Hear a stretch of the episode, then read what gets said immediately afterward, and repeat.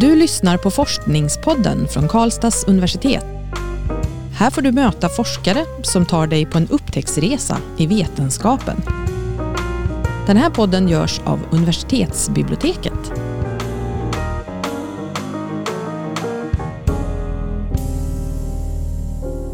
Hej och välkomna till Forskningspodden. Mitt namn är Karin. Och jag heter Magnus. Idag har vi besök av Alexander Rabic. Varmt välkommen Alexander. Tackar, tackar. Du är gäst här idag med anledning av din licentiatuppsats Improving the Adaptability of the End Host Service Aware Network Stack Tuning. Berätta, vad är det du har skrivit om? Ja, eh, så vi kanske kan börja lite mer från början. Eh, att, ja, så jag är född 92. Eh, kanske inte purung, men ändå relativt ung kanske. Eh, nej, men jag kommer ihåg kanske runt sent 90-tal, eh, tidigt ja, 2000-tal. Eh, när antagligen min pappa som kom hem med en liten rolig låda som man kopplade in i, i väggen i telefonuttaget Mm. eh, och sen in i datorn. Och sen så kunde man plocka igång Internet Explorer och så kunde man vara ute på internet. Eh, det var ett tag sedan. Det har tidigare. Det var tidigare, exakt. Och man kunde ju ja, skriva lite e-mail och ja, webbsurfa lite grann sådär. Men det var ganska basic om man ska jämföra med hur det är nu för tiden. Liksom att nu har vi ehm, alla har i i princip en telefon med sig hela tiden. Mm. Att all, ja, man har gått från en tid då knappt någon var uppkopplad till att alla är uppkopplade. Och nu är det inte bara att alla är uppkopplade utan att vi har tvättmaskiner som är uppkopplade, vi har bilar, allt möjligt som är uppkopplat. Så nu är allt uppkopplat och internet alltså har ju exploderat verkligen. Och eh, själva arkitekturen eh, för internet har liksom inte kunnat ja, hänga med i svängarna riktigt utan att vi försöker använda internet för mer saker än vad liksom det egentligen ja, klarar av. Mm. Eh, och vi måste liksom göra någonting åt det. Eh, och det kan man göra på lite olika sätt. Att man kan jobba inom själva hur nätverket är uppbyggt eh, och göra saker där. Och det är ju inte det som jag håller på med utan det jag håll- håller på med är liksom vad man kan göra på det man kallar endnoderna, alltså eller endhosts. Mm. Alltså till exempel din telefon. Då. Vad, vad kan man göra för att utnyttja nätverket på ett bättre sätt? Mm. Eh, och då ja, kunna stödja de här olika tjänsterna på ett bättre sätt. Vad är det för olika ändnoder eller sådana här slutpunkter som ni har intresserat er för?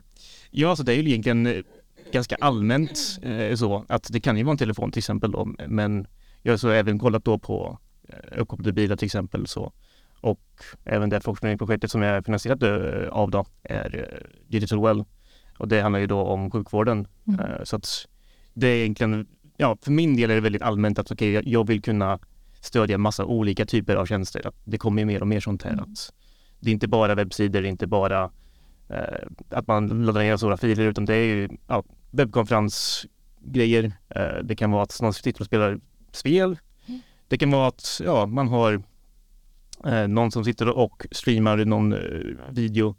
Och det kan ju hända på ett och samma hushåll. Och hur ska man nu få att allt det här ska fungera? Samtidigt för de här har ju väldigt olika typer av krav Ja. som kan gå mot varandra. Jag tänkte på det då som internet var uppbyggt tidigare, eller som det fortfarande är uppbyggt. Mm. Eh, Den här multi-connectivity som du skriver om. Ja. Eh, Vad är det som händer när, när man försöker koppla upp allting? Eller hur skulle det kunna förbättras? Ja, så med multikonnektivitet, eh, så det man pratar om då är att om till exempel om man har en eh, telefon nu för tiden så då har man ju självklart kanske den cellulära uppkopplingen, alltså mobila nätverket. Eh, det är väl ganska uppenbart, men man även, har även wifi. Eh, och så som det funkar, ja, som standard nu för tiden så är det att har du tillgång till wifi så använder du wifi. Och har du inte tillgång till wifi då går du över till det cellulära. Ehm, och med multikonnektivitet så pratar vi om att vi kan använda båda samtidigt och utnyttja båda. Ehm, och det finns ju ganska många olika sätt att göra det på då. Att Mm. man kan ha vissa dataflöden som man då mappar mot de olika vägarna som man då kan kalla det. Att eh, till exempel wifi är ju ofta billigare. Mm. Så om du har någon stor eh, filnedladdning så kan man köra det över wifi. Medan om du nu har eh, ja, någonting som kräver låg latens så att du kanske gör det över det cellulära eller liknande. Att man kan välja den biten av grejer. Mm. Så då skulle min mobil kunna kolla sociala medier med mitt mobilnätverk samtidigt som med wifi ladda hem en fil. Och samtidigt? Liksom. Exakt sam- samtidigt. Kan även använda olika wifi-nätverk samtidigt? Är det också en tanke eller? Ja, alltså potentiellt skulle man kunna göra det definitivt. Mm. Eh, I en telefon eh, kan ju det vara svårt för att du behöver ha flera olika eh, Ja, du behöver ha verktygen för att kunna göra det i, eh, i det, den ändnoden du använder och just en telefon har inte tillgång till det Mm. oftast då, men eh, det skulle man kunna göra Mm. eh, till exempel. Ehm, och alla andra, alltså, det finns ju massa olika trådlösa tekniker som man skulle kunna använda också. Mm. Ehm, att, eh, till exempel är Starlink som har kommit. Mm. Ehm, är ju också en typ av teknik som man skulle kunna använda till, ja, för det här. Du, du nämnde ett annat begrepp där, bara lite nyfiken, du sa låg latens. Ja. Kan du bara förklara det lite kort? ja, så att eh, det, det är väl ja, lite swinglish kanske, men um, fördröjning är väl det man pratar om då att eh, ja, när man pratar internet så man pratar om så hastighet. Och vad betyder hastighet? Ehm, och man kan tänka det på två olika sätt. Det man kallar då själva bandbredden ehm, och det som är fördröjningen eller latensen. Mm. Ehm, och man kan tänka det ungefär som att man har rör som man fyller vatten i. Och de kan ha olika dimensioner, de kan vara olika långa och de kan också vara olika breda. Och om du försöker ha, försöker hälla vatten snabbt bara, Mm. du, eh, kanske lite grann bara, ett glas vatten, då spelar det inte så stor roll hur brett det här röret är. Mm. Men det spelar stor roll hur kort det är. Mm. Det är det man brukar kalla la- latens då, eller fördröjningen. Mm. Och sen så då bandbredden är hur tjockt det är. Så att de ska hälla väldigt mycket vatten. Visst, då kanske det, det är okej om det är lite längre. Om det är bredare för då får du in mycket mer vatten samtidigt. Mm. Så att det är som två aspekter där som man brukar prata om. Att vad som är bandbredd och latens. Mm. Ehm, och latens är väl det som jag tycker är lite mer intressant. Så att, Eh, Du skriver lite grann om den här API-lösningen. Vill du berätta någonting om det? För det, har ju, det är ju en tidigare då, eh, API-lösning och sen nu finns det en möjlighet till en annan om jag har förstått det rätt. Ja, ehm, så i princip så handlar det om att eh, det finns massa olika, ja, vi brukar prata om protokoll då, att Mm. se till att eh, man ordnar kommunikationen mellan olika noder på eh, specifika sätt för att få internet att funka. Eh, och det finns väldigt många liksom, knappar och, och spakar man kan styra det här med. Mm. Eh, och när gjorde ni det här sist? Kan, kan ju liksom, eh, ställa som en fråga, motfråga, liksom att när gjorde ni det här sist? Antagligen har ni aldrig gjort det. Mm. Utan att ni köpte en telefon och Mm. den har någon standardinställning som duger okej, men det kanske inte är det bästa sättet att, att lösa saker på. Eh, och det är ju så som man har jobbat, att man har någon typ av standardinställning som är okej, men det är inte optimal. Eh, och det är ju, är, blir ju mer problematiskt nu när man pratar om just kanske telefoner då, som rör sig Mm. mycket, att det kan, ja, förhållandena mellan eh, olika ställen kan vara väldigt olika. Mm. Och då kan det funka väldigt dåligt i vissa fall. Eh, och det man vill kunna göra då är att kunna utnyttja de resurserna som man har. Det kan till och med vara så att man har eh, ja, väldigt bra förhållanden men man utnyttjar inte resurserna för att man vet inte om det. Helt Mm. enkelt att man har de här standardinställningarna. Och det med det nya API, alltså eh, nya sättet att använda eh, de här protokollen Mm. är att man automatiskt eh, kan känna av vad man behöver göra för att få en mer optimal lösning. Den här tanken, jag tänker för mig som människa som använder telefonen, eh, eh, kommer jag att behöva göra, vara mer aktiv och ha mer kunskap om det här eller kommer det att lösa sig av sig självt? så att säga. Exakt, och det är ju det som är lite tanken att det ska kunna lösa sig av sig självt. Så det är ingenting som du ska behöva bry dig om. Utan, och inte ens den som programmerar programmen eller apparna som du kör ska inte behöva bry sig om det heller utan det ska lösa sig av själva systemet. Mm. Ehm, och ja, för det är ju en del också av den här ehm, mitt arbete eh, är ju att ehm, lösa hur man gör med liksom att ja, internet är ju som en svart låda för en telefon till exempel. att Den har ingen aning om vad, vad som finns där och hur man kan, ja, vad, det, vad det finns för resurser. Det, det känner inte den inte till utan man får göra passiva mätningar. Man skickar in någonting i den svarta lådan, eh, svarta boxen och sen så får du tillbaka någonting. Och från det kan man dra vissa slutsatser. Men att det är väldigt basic. Man kan inte göra så jättemycket med det. Uh, och en av tankarna är ju då att om man kan få mer information från själva nätverket, hur det ser ut, vad den är kapabel till att göra, så kan man ju då göra lite mer avancerade grejer. Men det är tanken att det ska ju vara liksom automatiskt, att det här är ingenting som någon annan behöver tänka på, utan man har ja, någonting inbyggt i till exempel då telefonen och sen så någonting i nätverket som kommunicerar med varandra. Och med hjälp av det så kan man göra en bättre lösning helt enkelt. Jag tänker lite på den här ofrånkomliga elefanten i rummet är det väl ändå med GDPR. När man pratar om data och sådär. Och jag tänker just där du berättar att man ska kunna få skicka in någonting och sen få tillbaka från, Mm. från till exempel en mobil. Då. är det någon liksom, risk för personuppgifter följer med eller är det liksom själva eh, mobilens inställningar som skickas tillbaka? Eller hur, hur funkar det? Så du pratar om den här svarta lådan-biten Mm. då. Um, ja, visst det kan ju, det, det alltså jag ska inte säga att nej att det inte skulle kunna vara så, men Mm. att det är ju all typ av kommunikation är att eh, när, vi, när, vi- när vi- vi sitter och pratar att Mm. jag säger någonting och sen så har du uppfattat vad jag har pratat om? Har det kommit fram överhuvudtaget? Det vet inte jag förrän du har ja, sagt någonting eller nickat eller alltså det är ju en tvåvägskommunikation. Och så är det ju med, med nätverk också att Mm. du skickar någonting, det kan vara vad som helst, det kan Mm. vara bara en ett eller nolla och sen så får du någonting tillbaka. Och från det så kan du dra någon typ av slutsats okej att ja, om jag skickar en etta och du skickar tillbaka en etta, då kanske vi kan säga att okej, men då har du fått mitt meddelande. Mm. Det. och det är den typen som man pratar om. Sen så kan det ju vara så att man skickar ett meddelande som innehåller personuppgifter Mm. eh, och då får någonting tillbaka. Men i det här fallet så det, man pratar ju ja, mer om att ja, du har fått det som jag har eh, försökt att kommunicera. Mm. Eh, Du, nu, vi har ju pratat lite om mo- mobilapplikationer och så. Ja. Du nämner i din avhandling eh, smarta bilar och drönare och sånt där. Mm. Alltså väldigt Mm. olika typer av app- applikationer. Mm. Är, är det väldigt olika beroende på vilken typ av applikation? Eh, alltså blir, blir problemen när de är väldigt olikartade eller finns det generella saker?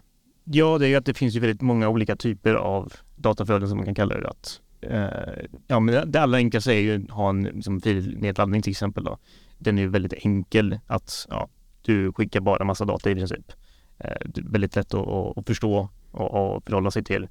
Eh, men det finns det problem med att, för att man vill ju då kunna skicka data så mycket, så högt som, alltså hög som möjligt. Eh, och det finns vissa problem med det. Att eh, ja, om man ska ta liknelsen med, med rör igen, Mm. att det kan ju vara så att man har som en flaskhals eller att man har en tratt som ska Mm. gälla. Att du kan ha, i en viss del av nätet så kan du ha väldigt hög bandbredd eh, och sen så i en viss del så har du mycket mindre. Eh, och då man försöker hälla väldigt mycket vatten samtidigt så till slut så kommer ju den här tratten Mm. bli full också och då kommer man ju spilla massa vatten överallt. Och så funkar det ungefär på internet också att om du skickar mer data än, än vad nätverket klarar av så då överbelastar man nätet eh, och då blir det problem. Ehm, så, den, ja, så man kan kalla det en väldigt girig typ av ja, dataström. Uh, Medan andra grejer som exempel en drönare, där är det oftast inte jättemycket data man skickar utan det är ju mer kontrollmeddelanden som man ska styra den här med. Det är inte mycket data alltså, utan det är mer att den datan måste komma fram i tid. Och när de här två typerna av flödena, alltså filinladdningen och drönaren ska interagera, då kan det bli tokigt för att du har en som försöker, ja, eller försöker, men som ofta överbelastar nätet och en som inte överbelastar men måste komma till, ja, ta lite tid. Mm. Mm. Och hur ska man då få till de här att de kan liksom fungera tillsammans? Det är då det vore smart, och ursäkta, det är då det vore smart att ha både ett mobilt nätverk och ett wifi till exempel då. Till exempel. Ja, Ja, precis. Mm. Hur blir det här med, jag tänker, smarta bilar är ju någonting som det pratas om väldigt mycket nu. Och jag tänker, med tanke på hur internet och wifi-systemet är uppbyggt idag, om vi säger att det skulle börja komma ut smarta bilar på marknaden i en större, större utsträckning, skulle nätet klara av det som det ser ut? Ja, det skulle man alltså till viss del. Eh, definitivt. Sen har man väl ganska stora planer på hur man ska göra med smarta bilar eller ja, uppkopplade bilar på det sättet att man tänker att det, det är ju mer än bara kanske själva styrningen och sådär utan att man tänker att man har då skärmar också även i baksätet. Man kan sitta och, och streama filmer och grejer och spela spel och sånt där. Och då blir det också där en väldigt stor mix av, Mm. av grejer och ja, det är inte jättelätt att få till det. Definitivt inte. Eh, För man behöver ju ha eh, ja, man behöver sätta ut ganska nära vägen då eh, ja, stationer som man kan då kommunicera med eh, så att man har en, en uppkoppling alltid för det kan man ju märka när man kör bil liksom att det är inte alla ställen som har bra koppling. Mm. Eh, Jag tänker när, när du mm, har skrivit den här uppsatsen, eh, vad är, vad är dina viktigaste resultat som du har kommit fram till så här långt? Tänker Ja, så att eh, delvis att visa att man kan använda olika vägar på lite olika sätt. Att eh, faktiskt ha, alltså visst, det är ju någonting som har funnits länge, men att mm. man har inte liksom utforskat hur det egentligen ser ut i, i verkligheten. Att, eh, så en av de papperna som jag har, eh, eller en journalartikel som är, som är med, där vi verkligen kollar då hur det ser ut i Värmland då, till exempel på, på vägarna. Ehm, att eh, vi kan visa att okay, det funkar att använda flera olika vägar då. I det här fallet så använder vi då det mer i princip för eh, redundans, att man väljer den bästa vägen eh, som finns mm. för att få ett meddelande så snabbt som möjligt till andra sidan. Men det visar att okej, okay, det här är någonting som faktiskt går att göra. Att mm. det här är, det går. Mm. Eh, sen en, en annan liksom, som är lite roligt är väl det här med eh, som kallar network slicing. Mm. Det finns inget bra svenskt term för det än. Men Um, att det är ju en väldigt ny typ av teknik som kommer då med, med 5G. Mm. Uh, att man kan i princip Normalt sett så har man då ett, ett fysiskt nätverk. Uh, alltså man har ju ja, antennerna och allt är uppbyggt med fysiska grejer. Mm. Medan där pratar man då om virtuella nätverk som då körs på de här. Så man har ju ändå en, en och samma fysisk nätverk mm. för, uh, för 5G. Men att man kan då dela upp det i virtuella nätverk som då kan ja, existera mer separat, isolerat från varandra. Eh, och då påverkar inte de varandra. Så att om man skulle överbelasta ett av de här virtuella nätverken så skulle inte det påverka den andra. Mm. Och då kan man då skapa olika typer av nätverk över ett och samma nätverk. Mm. Eh, och att ja, det är en väldigt ny grej som är mm. alltså verkligen eh, fräscha grejer som inte liksom används riktigt. Eh, som är på gång liksom och, och kunna använda det och eh, kunna använda det som eh, ja, i ett multikonnektivitet-aspekt, alltså mm. att använda flera slices eh, mm. samtidigt mm. och visa att man kan eh, göra grejer där. Det är ju väldigt nytt som inte gjorts innan, så det är ju också väldigt spännande resultat. Jag ser framför mig en Skogaholmslimpa som är skivad så det är fint som man kan köpa färdig. ja, det är väl ungefär så tänker jag. Och så den på höjden. Man får välja vilken metafor man vill. Ja, ja exakt. Precis, ja. ja. men man brukar faktiskt se den typen av bilden, alltså att det är en, ja, ja som en limpa nästan som man ja. Ja, lägger på varandra. Det gäller att få skivorna att samarbeta med varandra Exakt, också på ett bra sätt. Precis. Ja. Exakt, det, det är ju att om en energiare börjar mögla så ska inte det påverka de andra. Nej, nej. nej. problemet. ja, precis. Jag funderar lite på, eh, alltså, du, du nämnde ju det här med hastighet, att eh, det är någonting nytt med network slicing och så, mm. eh, forskningsmässigt nytt och så. Ditt område, område datavetenskap eh, tänker jag ju, det händer oerhört mycket. Eh, hastighet är ju lite ironiskt nästan, du forskar om hastighet och, och för er så är det ju så, eh, hur, hur gör man för att inte drunkna i det här och att, att alla andra håller på med det här och det, det sker så mycket samtidigt. Eh, det låter som en utmaning för en forskare tycker jag. Ja, och det är ju det som att eh, en av de här begreppen som jag använder här är ju network stack. Mm. Och stack kan vi då kalla, alltså som en högmetallrikare, alltså man, man ja, stack of plates. Mm. Eh, eh, och det är det som det syftar på, att man har liksom, eh, olika lager egentligen. Mm. Att man fokuserar inte på allt som finns samtidigt, utan man, man specialfokuserar på en viss del av, av sakerna. Att, eh, också som man sa i början, att jag fokuserar inte på vad man gör i nätverket utan mm. hur man utnyttjar det, de resurser som man redan har. Um, så att jag är ju då på själva ändnumren, att eh, jag fokuserar på den biten och mm. sen så finns det ju andra som kollar på andra bitar. Andra bitar. Mm. Eh, och det är väl så man ska i princip kanske liksom försöka, kan man fokusera på någonting som man är intresserad av att, och, och försöka liksom, ja, utveckla den biten mm. och sen så Sen så sätts ju allt det här samman självklart eh, till ut. Men mm. det är ju såklart ett problem och det är ju en, en av de här, eh, alltså med datavetenskap att det händer väldigt mycket mm. eh, hela tiden och det är ju så att ja, man får ju förhålla sig till det att det som jag gör nu eh, om tio år, är det relevant? Mm. Eh, det vet jag inte. Mm. Det, det, så är det. Eh, mm. att om tio år så kanske vi är inne på något helt annat. Men det, det, låter som en bra for, både forskningsstrategi och överlevnadsstrategi ja. att, att, fokusera på det som man har framför sig. Liksom. Ja. ja. men det blir det precis så att man får, man, ja. Mm. Nu är vi nästan lite inne på det faktiskt, men hur ser dina forskningsplaner ut framöver? Ja, så att eh, det är väl i princip en fortsättning på det som jag har eh, jobbat med. Eh, att eh, försöka få till det här med att eh, ha olika typer av flöden som behöver existera tillsammans och hur man nu ska fixa det. Eh, och då även ha med de här multikonnektivitetsaspekterna också då. Och potentiellt lite mer om den här slicing-biten också. Alltså, för det är väldigt spännande men sen är det, det är svårt att få till för det är ingenting som finns standard i de mobila nätverken än så. Utan man måste ha speciella testbäddar för att kunna köra i princip. Det är inte alltid lätt att få tillgång till sådana grejer så att eh, om jag får tillgång till det så hade jag gärna eh, fortsatt på den slicing-biten också, mm. definitivt. Men eh, multikonnektivitet och det här med eh, att ja, ha olika typer av flöden, det är definitivt eh, hela framtiden. Hur, hur, är det med dina resultat? Är de liksom mest forskningsmässigt intressanta just nu eller skulle det vara intressant för liksom industrin eller, att ta del av det redan nu? Ja, alltså förhoppningen är ju att industrin kan ta del av det i alla fall, att visa att det här är saker som eh, är relevant, att eh, det här behöver man tänka på. Mm. Att eh, det är ju som är lite grann med, med de här bitarna, att det är väldigt kopplat mot industrin så att eh, om man vill ha något typ av utslag så är det verkligen att man ska gå till industrin och liksom säga att okej, okay, hej, det, det, här funkar. Liksom, mm. Hallå? Men du, då får vi önska dig fortsatt lycka till, eller lycka till med ditt fortsatta arbete snarare. Tack, tack. Och tacka dig för att du kom hit och gästade oss. Det har varit jättetrevligt att prata med dig. Tack för att du fick komma. Tack till er som lyssnar på podden också. Och om du är intresserad av att läsa Alexander Alberts uppsats så finns den att ladda ner i vår publikationsdatabas DIVA. Vi hörs i nästa avsnitt. Du har lyssnat på Forskningspodden från Karlstads universitet.